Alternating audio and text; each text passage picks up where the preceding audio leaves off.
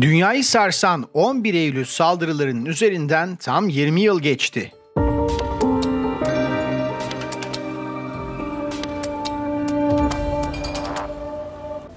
Oda TV'ye hoş geldiniz. Ben Çağrı Develioğlu. Bugün 3. gözde 9-11 saldırıları ile ilgili olan enteresan bilgilerden bahsedeceğim. 20 yıl boyunca dünyada birçok olayın tetikleyicisi bu ölümcül saldırı oldu. Orta Doğu'nun haritası değişti. Irak, Afganistan ve Suriye gibi ülkelerde milyonlarca kişi hayatını kaybetti. ABD halkında büyük bir travmaya neden olan bu saldırı filmlere ve kitaplara konu oldu. O sırada sokaktan geçenler, bir şekilde binadan kurtulanlar, saldırıyı televizyondan canlı izleyenler hepsi ama hepsi bir şekilde etkilendi.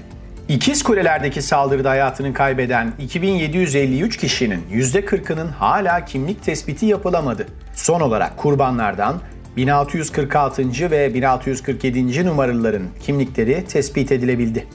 Baş adli tabip Barbara Sampson yaptığı açıklamada 20 yıl önce Dünya Ticaret Merkezi kurbanlarının ailelerine sevdiklerini teşhis etmek için ne gerekiyorsa yapacağımıza dair söz verdik. Ve bu iki yeni kimlikle bu kutsal yükümlülüğü yerine getirmeye devam ediyoruz dedi. 1646. kurban Long Island Hampstead'den Dorothy Morgan olarak belirlendi. Muayene ofisi 2001 yılında ele geçirilen kalıntıların DNA testiyle kimliğinin doğrulandığını söyledi. Diğer kimlik ailesinin talebi üzerine adı gizli tutulan bir adamdı.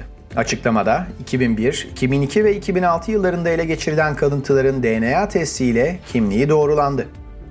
Yetkililer aradan geçen 20 yıla rağmen saldırılarda hayatını kaybedenlerin %40'ına denk gelen 1106 kişinin kimlik tespitlerinin henüz resmi olarak yapılamadığını belirtiyor.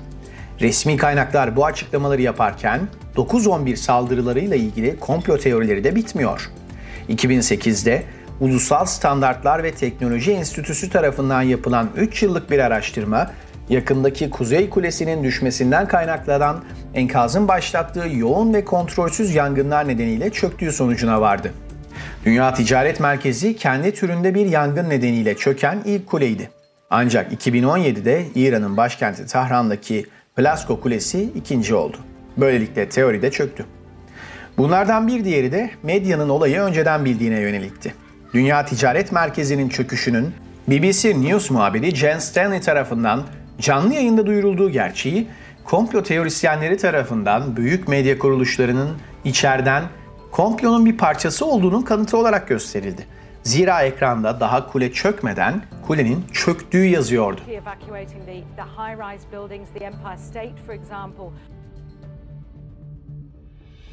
CIA Savunma Bakanlığı ve Acil Durum Yönetimi Ofisi'nin ofislerini içeren bu binada ikiz kulelerden saatler sonra bir uçak çarpmadan veya doğrudan hedef alınmadan çöktü.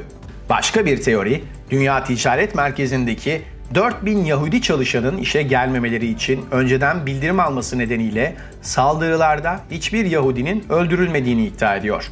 Bu teoriye göre İsrail hükümeti bu saldırıyı biliyordu ya da el altından destekliyordu. Böylelikle elitler Yahudilerin işe gitmemesini söylemişti. Ancak Dünya Ticaret Merkezi'nde çalışan 2071 kurbandan 119'u Yahudi. BBC belgeseli Conspiracy Files'ın araştırmalarına göre kurbanların %9.2'sini Yahudiler oluşturuyordu.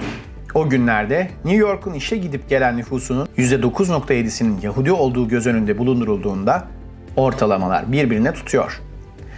Ve bazıları o gün 900 kadar Yahudinin ölmüş olabileceğini tahmin ediyor. Benzer teoriler Irak ve İran'da dahil olmak üzere diğer devletleri çevreliyor ancak doğrudan dahil olduklarına dair hiçbir kanıt yok. Bu 1106 kişinin kim olduğunu belki de bize zaman gösterecek. Kimlikleri belki de tespit edilemeyecek.